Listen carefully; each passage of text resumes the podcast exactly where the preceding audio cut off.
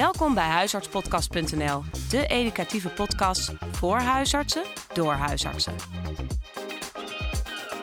Dementie deel 2. Aan de telefoon heb ik nog steeds Willemijn de Graaf, zij is huisarts en kaderarts ouderen, en Jurgen Klaassen, klinisch geriater.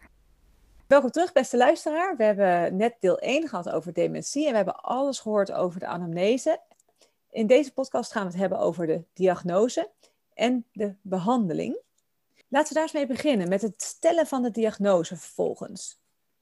Je hebt natuurlijk een hele hoop informatie verzameld tot nu toe. Dus een uitgebreide anamnese, onderzoek, aanvullend onderzoek eventueel. Je hebt een uh, uitslag van een, uh, van een test, dus, uh, of meerdere testen. En eigenlijk stel je dan de diagnose op basis van een aantal zaken. Het eerste is dat een dementie echt moet interfereren met het dagelijks leven. Dus het moet echt iemand in de weg zitten. En het moet duidelijk een soort achteruitgang zijn. Dus het, uh, het, moet een verslechterend beeld zijn met eerder, met een half jaar terug of een jaar terug. En het kan, moet niet verklaard worden vanuit een depressie of een delier, want dat hebben we in deel 1 net verteld. En uh, vervolgens moet je uitval hebben op meer dan twee van de komende vijf domeinen. Dus je hebt eigenlijk vijf domeinen. Uh, het eerste daarvan is het geheugen. Dus dat is eigenlijk uh, je, je niet mogelijk om uh, nieuwe informatie op te slaan en om te onthouden. Het tweede is eigenlijk dat stukje over complexe taken, dus over complexe handelingen. Um, het derde, dat uh, moet Jurgen zomaar even toelichten, want die vind ik eigenlijk een beetje onmogelijk. Dat is visuo-spatiële functies. de vierde is taal, dus um, op woorden komen. En het vijfde is eigenlijk veranderingen in gedrag en persoonlijkheid. Ja, die fysiospatiële functies, dat is meer een testbegrip dan iets wat je in het dagelijks leven kunt zien. Maar voorbeelden zijn bijvoorbeeld dat mensen uh, niet meer kunnen zien hoe iets werkt. Bijvoorbeeld niet meer weten hoe ze een stekker in een stopcontact moeten duwen. Omdat ze de uh, complex niet meer herkennen. Uh, dus zo moet je het eigenlijk zien. Dus het, het verwerken van beeldinformatie en het koppelen daarvan aan functies is ingewikkeld om, uh, om na te vragen, maar het komt er neer dat het lijkt op een soort onhandigheid of ik bijvoorbeeld niet meer goed kunnen klussen of uh, niet meer goed weten hoe, uh, hoe je een koffiezetapparaat bedient. Dat ze niet meer snappen hoe het in elkaar steekt. En daar valt dan de apraxie onder? Eigenlijk is heel zeker apraxie het niet meer begrijpen van een handeling. Dus bijvoorbeeld dat je in een extreem geval niet meer, eigenlijk niet meer weet hoe je een broek aantrekt. Dus dat je die over je hoofd aan gaat doen, dat is een apraxie. Uh, die fysiospatiële functie is echt het, uh, het, niet meer goed herkennen van, uh, van hoe iets eruit ziet. Um, en niet meer weten hoe je, ehm, hoe je dat vervolgens bedient. Mm. Dat, daar zit wat overlap in. Dat is best ingewikkeld. Het is een begrip dat vooral uit de neuropsychologie komt, dus uit testen. Want je kunt het heel makkelijk doen door bijvoorbeeld die, de kubus-tekening uit de MOCA. Is een fysiospatiële functie, of die, die pentagon uit MMSE. Maar om dat te vertalen naar het dagelijks leven is best lastig. Maar ik denk ook dat in de praktijk uh, je eerder naar die vier andere domeinen kijkt. Ja, uh, dat zal ook. Ja. Dat, uh, ik denk dat, dat we het maar zo moeten houden. Ja. Voor de huisarts. Ja. ja. ja.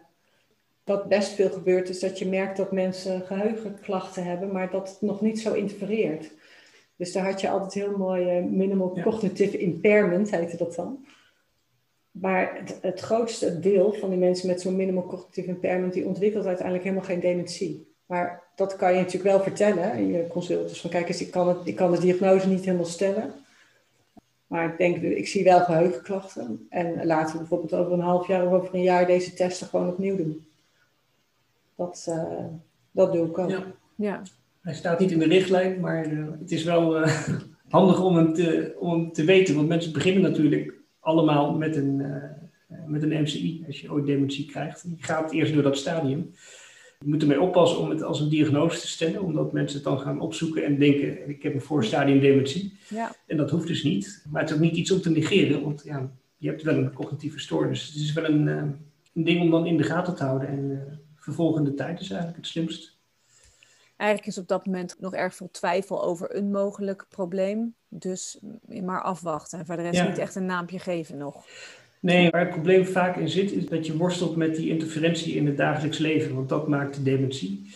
En er zijn echt heel veel mensen waarbij dat gewoon niet 100% zeker is. Of het nou echt ernstig interfereert of niet. Omdat er vaak uh, partners toch taken deels hebben overgenomen of, of andere mensen in de omgeving. Waardoor je eigenlijk niet helder krijgt, hebben ze nou last van of niet. Uh, Dan krijg je zo'n twijfeldiagnose. Maar ja, dan is het ook niet handig om helemaal niks te doen, want ja, het zit wel echt op het randje van een dementie. Het kan best zijn dat als je er op een andere manier tegenaan kijkt, dat je vervolgens zegt, ja, eigenlijk is het wel een dementie. Ja. Maar goed, het lastige is dat als je naar de cijfers kijkt, dat uh, inderdaad de helft van de mensen met, met zo'n MCI in hun leven nooit dementie krijgen. Dus je moet ook niet gaan zeggen, ja, dan word je dement, want dan zit je er 50% van de gevallen naast. Dus. Hey, en Willemijn, even nog over die richtlijn. Minimal cognitive impairment, staat dat helemaal niet in de richtlijn? Nou, eerst stond het wel in de richtlijn, maar nu zeggen ze eigenlijk van, uh, dat het buiten de scope valt. Dus dat je dat als huisarts eigenlijk niet, uh, niet zou moeten stellen als diagnose. Ik vind eigenlijk, je kan gewoon uitleggen van ik zie geheugenstoornissen, maar ik vind het op dit moment geen dementie. Ja, dan kan je het een MCI noemen, maar je kan ook zeggen, van, ja, ik vind het nog ja. geen dementie, we kijken over een jaar verder. Ja. En ik vind zeker als huisarts, dan, als je iemand dan na een jaar ziet, dan kan je ook het verschil zien. Hè? Dan kan je veel meer. Onze kunst is natuurlijk altijd de tijd, dat je ja. um, mensen kan vervolgen. Ja, mooie insteek zo. Ik had nog een vraag over de geheugenpolie van de geriatrie. Um, wanneer heeft dat nou echt zijn meerwaarde en wanneer zou je dat nou doen? In ieder geval bij de zeldzame diagnoses, hè, bij de dingen die niet vaak voorkomen, waarvan je weet dat je daar als huisarts weinig ervaring mee gaat opbouwen. Zeg maar, die ene patiënt is die je ooit gaat zien. Dus dan kom je toch op de uh, frontaalkant dementie, Lewy body dementie, Parkinson dementie, uh, corticobasale degeneratie, de, de echte zeldzame uh, dingen. Dementie op jonge leeftijd, omdat het zo zeldzaam is om voor je 65ste dementie te krijgen. en het veel waarschijnlijker is dat het dat niet is, dat het een burn-out is of iets anders. Uh, zijn dat ook de patiënten waarvan ik denk dat het slim om dat die wel door te sturen, te verwijzen. En verder denk ik, er zijn natuurlijk heel veel patiënten, de, de oudere patiënt met Alzheimer-dementie, die kun je als huisarts echt prima met grote zekerheid diagnosticeren. Maar dan nog kan het zijn dat er een reden zijn waarom je, als iemand wil doorsturen, het kan zijn dat die patiënt of die familie daar heel erg op staat kan ook zijn dat je denkt van ja, als ik die diagnose stel, dan uh, is mijn band met die patiënt uh, verbroken. En dat kunnen allemaal mm. legitieme redenen zijn. Wij zien nog best wel eens patiënten waarvan we denken, ja, het is helemaal niet ingewikkeld. Kennelijk was dat toch een reden om te verwijzen. Ik denk dat je makkelijk kunt zeggen, er zijn een aantal categorieën waarvan het heel verstandig is om ze te verwijzen. Dus de zeldzame beelden en de jonge patiënten.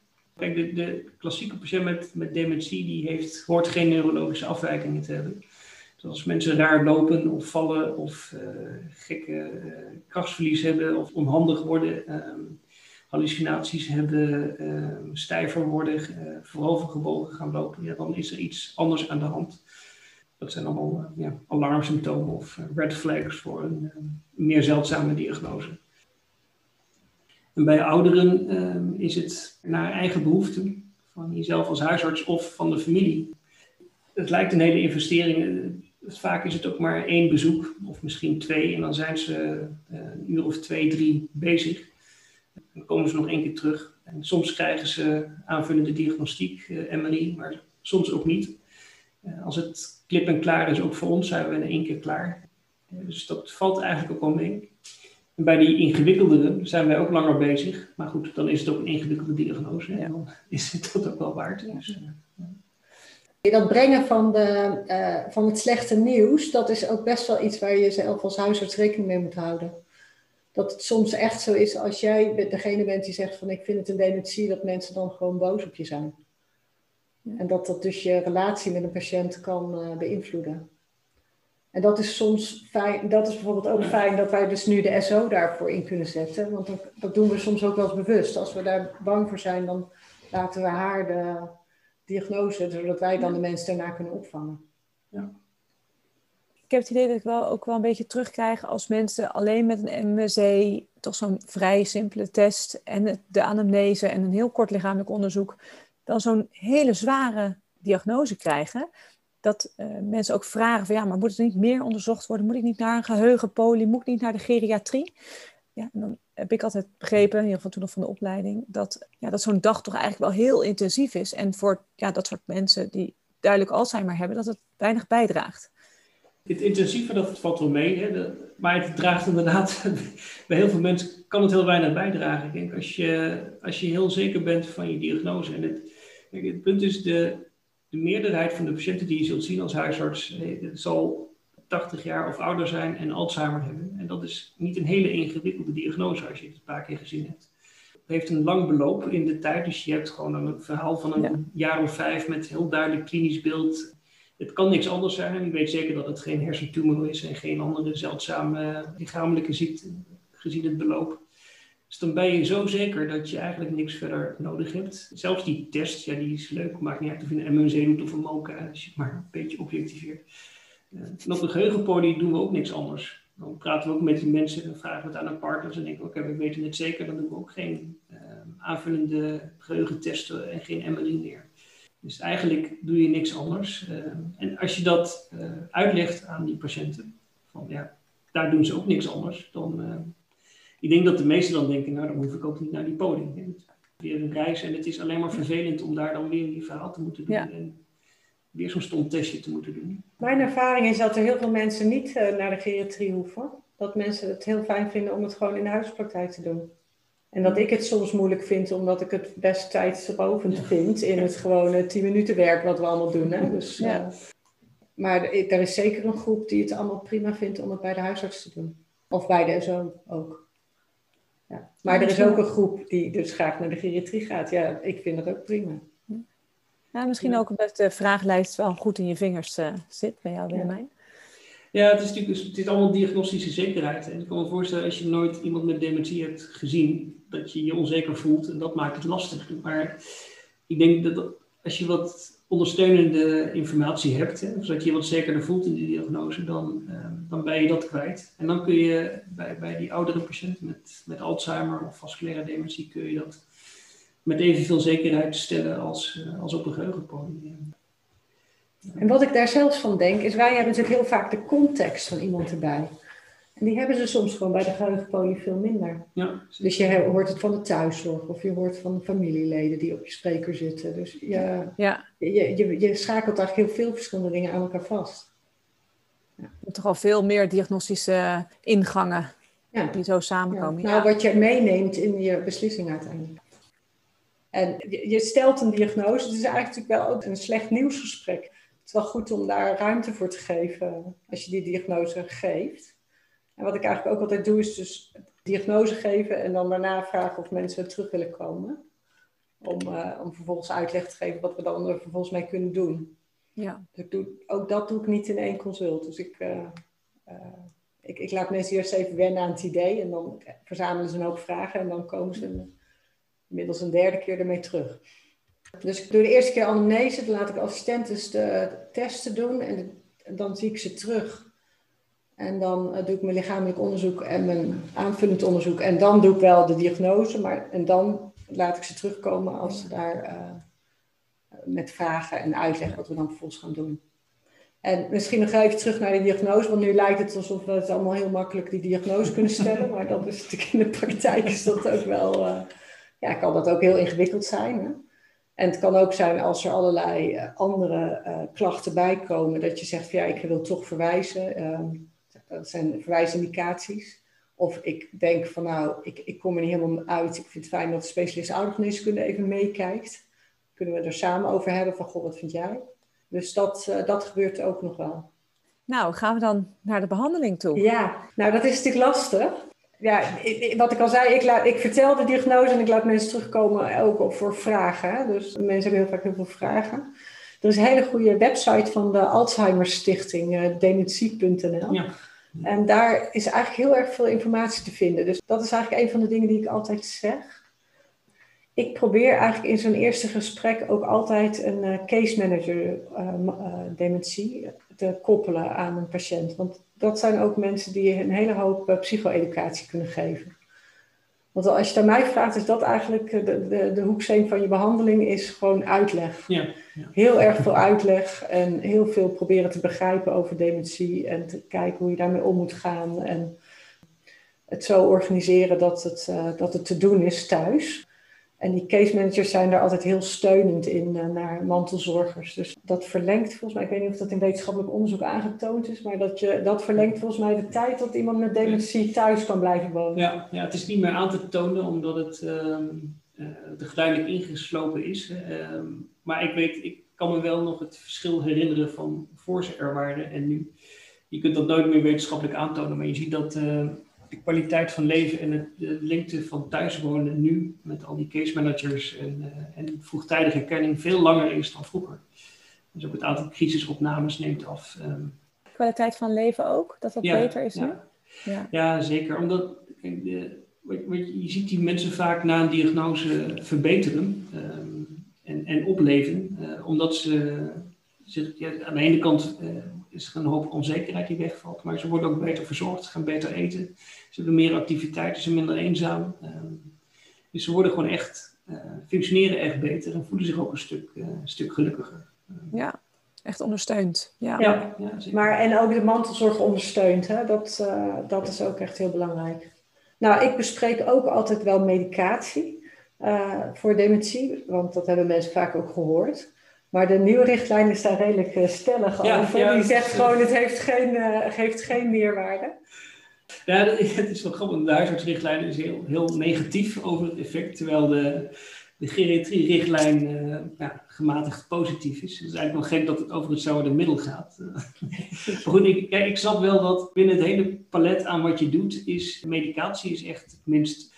De zorg en case management, uitleg is echt, nou, dat is 90%. Maar ik ben het niet helemaal eens met die richtlijn dat daar staat, het doet niks. Het punt is dat in die onderzoeken zijn hele slechte testen gebruikt om effect te meten. En daar zie je nog steeds effect op. Je ziet een verbetering van MMSE, dat is binnen de dementiewereld is dat echt spectaculair dat je verbetering ziet op een test van een middel. Dat is echt ongelooflijk. En wat je in die studies wel ziet, is dat de, de globale indruk, wat een hele vage maat is natuurlijk, uh, wel verbeterde uh, ten opzichte van placebo. Dat is in ieder geval wel iets wat ik echt op de podium wel zie, dat bij sommige mensen je echt uh, verbetering ziet. Uh, maar dat kan zijn dat ze alerter zijn dat ze iets minder onrustig zijn. Uh, maar soms ook dat ze opeens weer een muziekinstrument gaan, gaan gebruiken. Het zijn allemaal kleine dingen, maar ik vind ze net wel belangrijk genoeg voor die patiënten om het, om het wel te overwegen en niet alleen maar te zeggen, ja, doe toch niks. Nee, nou, je kan het toch gewoon uitproberen. Hè? Je ja, kan, het, die middelen kosten helemaal niks meer. En bijwerkingen, als je een beetje oplet aan wie je ze geeft, dat valt ook heel erg mee. Dus ik denk ook, ja, waarom zou je het niet proberen? Nou, ik vind wel, uh, je, mensen gaan minder eten. Of ze, en ze ja. hebben maag-darmklachten. Dus dat is altijd iets, iets wat ik wel in de gaten hou als ja, mensen medicijnen hebben. Je moet, moet wel opletten. Nee. Ja. nee, dat klopt. Het maar, ja, maar het is allemaal relatief onschuldig. Ja. Ook, en het is inderdaad bij, bij Parkinson-dementie en Lewy body dementie is, zie je echt spectaculaire effecten. Dat is natuurlijk allemaal een stuk zeldzamer en een iets andere indicatie. Maar dan zie je echt verdwijnen van hallucinaties. Uh, dus het is, uh, ja, het is meer dan een, uh, een neppil in ieder geval. Ja. Ik leg het mensen voor. Hè? Dus ik zeg gewoon, kijk eens, je kan medicijnen gebruiken. Ze hebben maar een klein effect. Dat kan je mensen gewoon uitleggen. En dan zijn er mensen die zeggen, ja, dat wil ik niet. En er zijn mensen die zeggen, ik wil het wel. Ja. Ik, ik denk dat mensen daar gewoon prima zelf voor mogen kiezen. Maar ik vind dat je vervolgens wel kritisch kan blijven van, god, doet het daadwerkelijk iets? Want als iemand dan toch achteruit gaat en vervolgens allemaal maag-darmklachten heeft. Ja. Of ik had ja. bijvoorbeeld een mevrouw die viel elke keer op de, de rifastigmine. En zijn we de rifastigmine gestaakt en mijn mevrouw is nooit meer gevallen. Oh ja. Dus ja, dus, ja. Dus toch wel bijwerkingen, ja. Nou, ik denk, je moet proberen, je moet kritisch blijven. Ja. Nou, misschien lost het zich in de praktijk op. De ervaren huisartsen die patiënten zelf diagnosticeren, die kunnen ook behandelen, die hebben dan ervaring. De rest die zal toch mensen insturen en dan krijgen ze daar de pillen. Ik denk als je weinig ervaring hebt, dan moet je het natuurlijk niet doen. En dan staat het ook in de richtlijn dat je het niet doet. Uh, maar dan kan het ook best zijn dat je die diagnose zelf niet gesteld hebt, wat je toch hebt verwezen. Dus misschien lost het zich ook wel op. Dat, ja. dat je dus.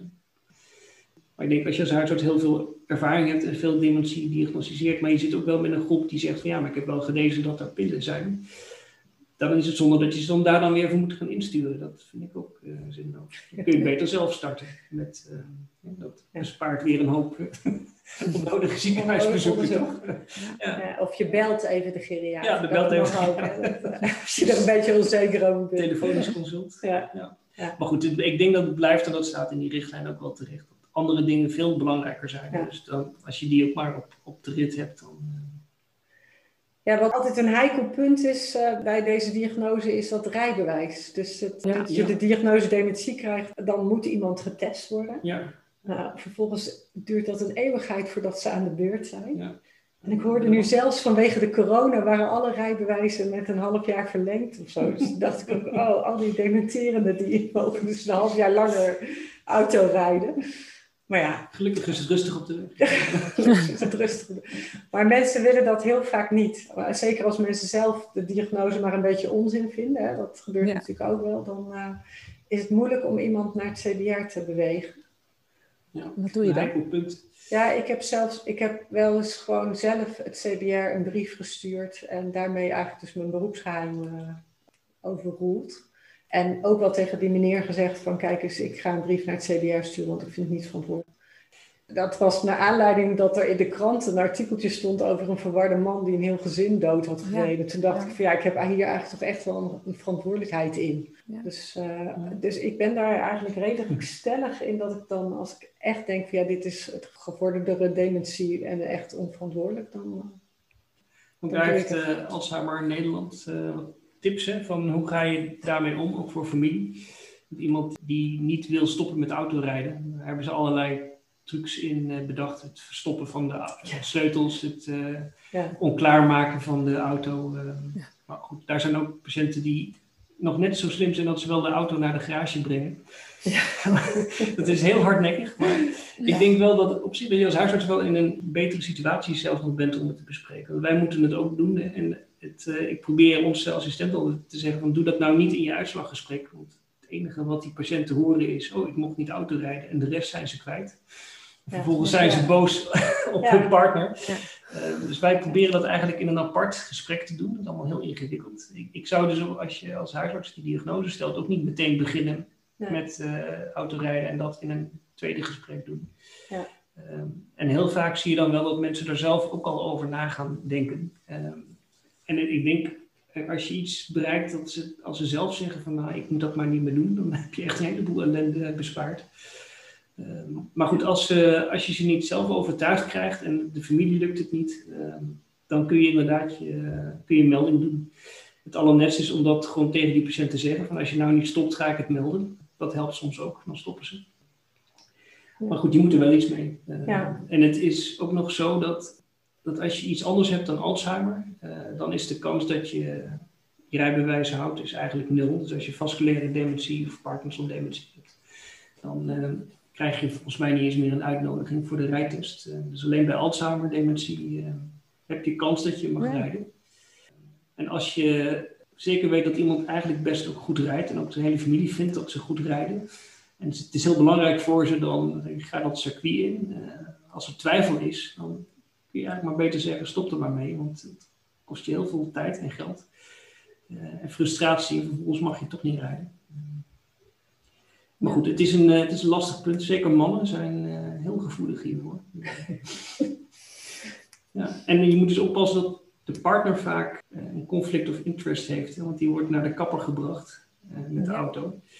Dus die zegt, nee hoor, mijn man kan nog prima rijden. Dus, eh, dus je moet meestal de dochter vragen of ze het kleinkind in de auto durven te zetten. Als ze dan nee zeggen, dan... eh, Ja. ja. Maar goed, het is een lastig punt. Maar eh, het probleem is dat dat dus heel vaak de behandelrelatie kan verstoren. Maar ook de, ja, de acceptatie van de diagnose in de weg zit. Ja. En ik, ik vind zelf dat je dat niet acuut hoeft te bespreken. Omdat die, die dementie was natuurlijk een half jaar geleden ook al. En als ze een maand later bij je waren gekomen, had je het ook een maand later pas eh, besproken. Dus je hoeft dat niet op stellen en sprongen. Onze, onze AIOS zijn soms heel streng en die zeggen zo, u mag nu niet meer terugrijden naar huis. ja, dat is, dat is natuurlijk echt niet Nee. zo. Nee. Dus je mag daar best wel tijd voor nemen. Maar, eh, Ja. maar goed, Maar het, het, je moet, het is, ik vind het wel een onderwerp waar je het wel even over moet hebben. Ja. Zeggen. Het, is, het, is, het is een beetje een moeilijk onderwerp, maar het is wel Ja. een belangrijk je moet, onderwerp. je moet er iets mee. Je moet er wel iets mee. Ja, je mag het eigenlijk niet laten liggen. Nee. Waar de standaard ook het nog over heeft, en dat is misschien ook nog wel een stukje over eh, dat je natuurlijk op een gegeven moment wilsonbekwaam gaat worden, dus dat je dingen vastlegt. Maar dat is voor bij ons iets wat eh, case managers vaak bespreken. Of jij daar meer over weet, over wanneer je nou een curator en een mentor en een... Uh... Nee, ja, dat, ja, het heeft twee aspecten natuurlijk. Je hebt zeg maar, het, overnemen van medische of juridische financiële besluiten. Dat, dat, is één stap. Het andere is het, het aangaan van een gesprek over behandelbeperkingen en behandelwensen. Dat laatste is echt iets wat je als dokter kunt of eigenlijk zou moeten oppakken. Nee, maar dat is ook wel echt iets wat wij altijd doen. Ja. Dat vind ik ook wel echt onze taak. Ja. Maar dat andere, meer juridisch deel, dat is, uh, eigenlijk is dat niet ons ding. Daar heeft, ook Alzheimer Nederland heeft daar wel uh, informatie over. Hè, van uh, hoe, hoe, ga je, hoe neem je financiën over. ik vind dat zelf als dokter allemaal nooit zo'n boeiende dingen. En wij mogen als behandelaars toch niet wilsbekwaamheid vaststellen. Dat moet je ook niet doen. Ehm, dus daar moet je eigenlijk gewoon maar uitblijven. Dus gewoon verwijzen naar, naar dat soort websites. Ja. Maar de, ja. ik vind de, de gesprekken over wat doen we als er eh, als er een keer een maligniteit wordt vastgesteld of reanimatie, dat is wel goed om te doen. Ook niet, ook niet meteen bij het uitslaggesprek, maar, maar, maar, wel in, in, een vervolggesprek is dat wel goed. Of eigenlijk, ja, eigenlijk moet dat gewoon. Hè. Dat zou het ideaal zijn als, dat, als we dat vaker allemaal zouden doen. Wat je ook nog wel noemde bij alleenwonenden, kan je daar nog iets over zeggen?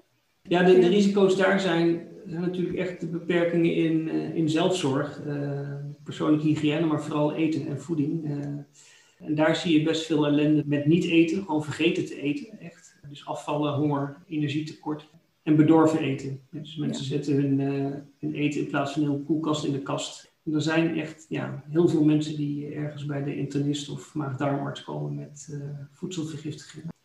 Diarree, ECI, afvallen, ECI. Ja. Dat is allemaal dementie met niet of slecht eten. Ehm, en daar, ja goed, dat hebben die mensen zelf ook echt niet door. Hè. Die zeggen echt dat ze nog verse soep maken iedere dag. ja. sta je als een hoop leed en daar kom je pas achter als je op huisbezoek gaat of de thuiszorg daar binnen hebt. Of, ja. ja. Dat is, je probeert eigenlijk, zeker bij alleenstaanden, probeer je de thuiszorg binnen te krijgen. Al, al kunnen ze maar elke dag even de kousen aantrekken of ze mensen daarmee opstarten van de dag dan heb je hier een beetje beter zicht op. Die case managers die komen ook altijd bij mensen thuis, want dan kan je ook gewoon even kijken hoe het huis eruit ziet en of er viezigheid zit. Of, uh, Even de koelkast kijken. Even de koelkast kijken, ja, daar moet je nog wel een reden voor hebben. Ja. Het is eigenlijk een van de enige momenten dat ik ook een, kopje koffie bij iemand accepteer. dat ik denk, wel even kijken of je koffie kan zetten. Ja. Of, of dat lukt. Ik dacht juist niet, maar... Nee, dat moet je eigenlijk nooit doen. Oh, ja. nooit gaan zitten. nooit gaan zitten met thuis. is wel interessant te kijken. Maar het is een diagnostiek. Ja. Wij misbruiken heel soms medicatie als manier om eh, thuiszorg in te schakelen. Dat is natuurlijk oh, ook heel erg uh, off-label, maar dat is ook iets aan bij mensen die heel erg graag uh, een pil willen. Die heb je, die, willen geen, die accepteren niet dat ze dementie hebben of zorg nodig hebben. Maar willen vervolgens wel een pil voor de dementie die ze niet hebben. En dan zeggen we van, dan moet je die pleister doen, die is beter. Maar die moeten thuiszorg wel oppakken. En dan accepteren ze de thuiszorg. En als die er eenmaal is, dan uh, komt de rest ook wel. Dus dat is een beetje misbruik maken van, uh, Oh, ik dacht dat dat echt een strakke regel was. Dat er geen uh, pleister zonder toezicht. Nee, nee zeker als mensen alleen zijn, dan, dan, is, dan moet dat ook wel. Want die krijg je zelf niet opgeplakt. Uh, en ik denk eigenlijk is het ook bij, bijvoorbeeld bij galantamine, dat kun je zelf natuurlijk slikken. Maar als je dat niet goed inneemt, word je natuurlijk hartstikke ziek. Als je ze de ene keer niet inneemt en dan de volgende dag drie. Dus dat zijn, als je bij alleenwonenden moet je dat dus niet voorschrijven eigenlijk. Tenzij dat thuiszorg is. En dan kun je natuurlijk ook zeggen, dat schrijf ik er niet voor. Maar als je eigenlijk die thuiszorg wil, en die patiënt wil graag zo'n pil, dan is dat wel de, de manier. Dat is wel een mooie bijwerking, de thuiszorg er gratis ja. bij. Ja, ja dus dat, dat kan ook een reden zijn tegen de richtlijn in om uh, pillen voor te schrijven. Ja, wat verder bij dementie is, is als je verder in je verder gevorderde dementie hebt, dan uh, kom je vaak probleemgedrag tegen bij dementie. En uh, dat is, kan heel ingewikkeld zijn als huisarts. Dat je kan heel tijdrovend zijn en uh, veel stress en crisis opleveren. Dus ook dat is een hele mooie podcast uh, om het daar een keer over te hebben. Want uh, als je dat vroeg herkent en vroeg de psycholoog en de specialist oudergeneeskunde kan inschakelen, dan voorkom je daar daadwerkelijk crisissen mee. Daar komen we graag een keer voor terug. Ja, mooi. Dat houden we in de planning. Ja, wat we eigenlijk heel graag natuurlijk wilden doen met deze podcast, is dat jullie allemaal heel enthousiast worden om eh, gewoon de eerste patiënt met uh, klachten dus even goed voor te gaan zitten en op deze manier te bekijken. ik zie bijna uit naar mijn volgende patiënt met dementie, maar Ja. dat is ook een beetje... Ja, precies. Ja, maar zo moet je het zien. Hè? Het is wel echt een interessant onderwerp. En het is gewoon een onderwerp wat je steeds vaker en steeds meer zou moeten doen. Probeer het gewoon. In plaats van dat je ziet als iets ingewikkelds of een probleem, gewoon aan de slag. En we hebben mooie handvatten gekregen hoe we die anamnese, hoe we die vorm kunnen geven. Mooie tips. Nou, ik hoop dat we dat een beetje in een soort van gesprek met de patiënt kunnen gieten in plaats van een eh, soort kruisverhoor. Die verschillende punten die gaan we op de, op de website zetten. De verschillende websites ook die genoemd zijn. En dan denk ik dat we weer een stuk verder kunnen komen zo. Ja, dat is mooi. Mooi.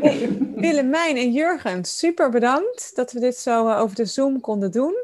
We spreken elkaar waarschijnlijk snel over podcast deel 3, dementie, het probleemgedrag. Heel goed. Ja, In de tussentijd vinden wij nummer 4 wel vast. Ja. ja waarschijnlijk, ja. Goed, nou hartelijk dank. Ja, jij ook Bedankt voor het. Dit was deel 2 van dementie. We spraken over de diagnose, over hoe je die brengt en wie die brengt. We spraken over de behandeling, behandeling met medicatie.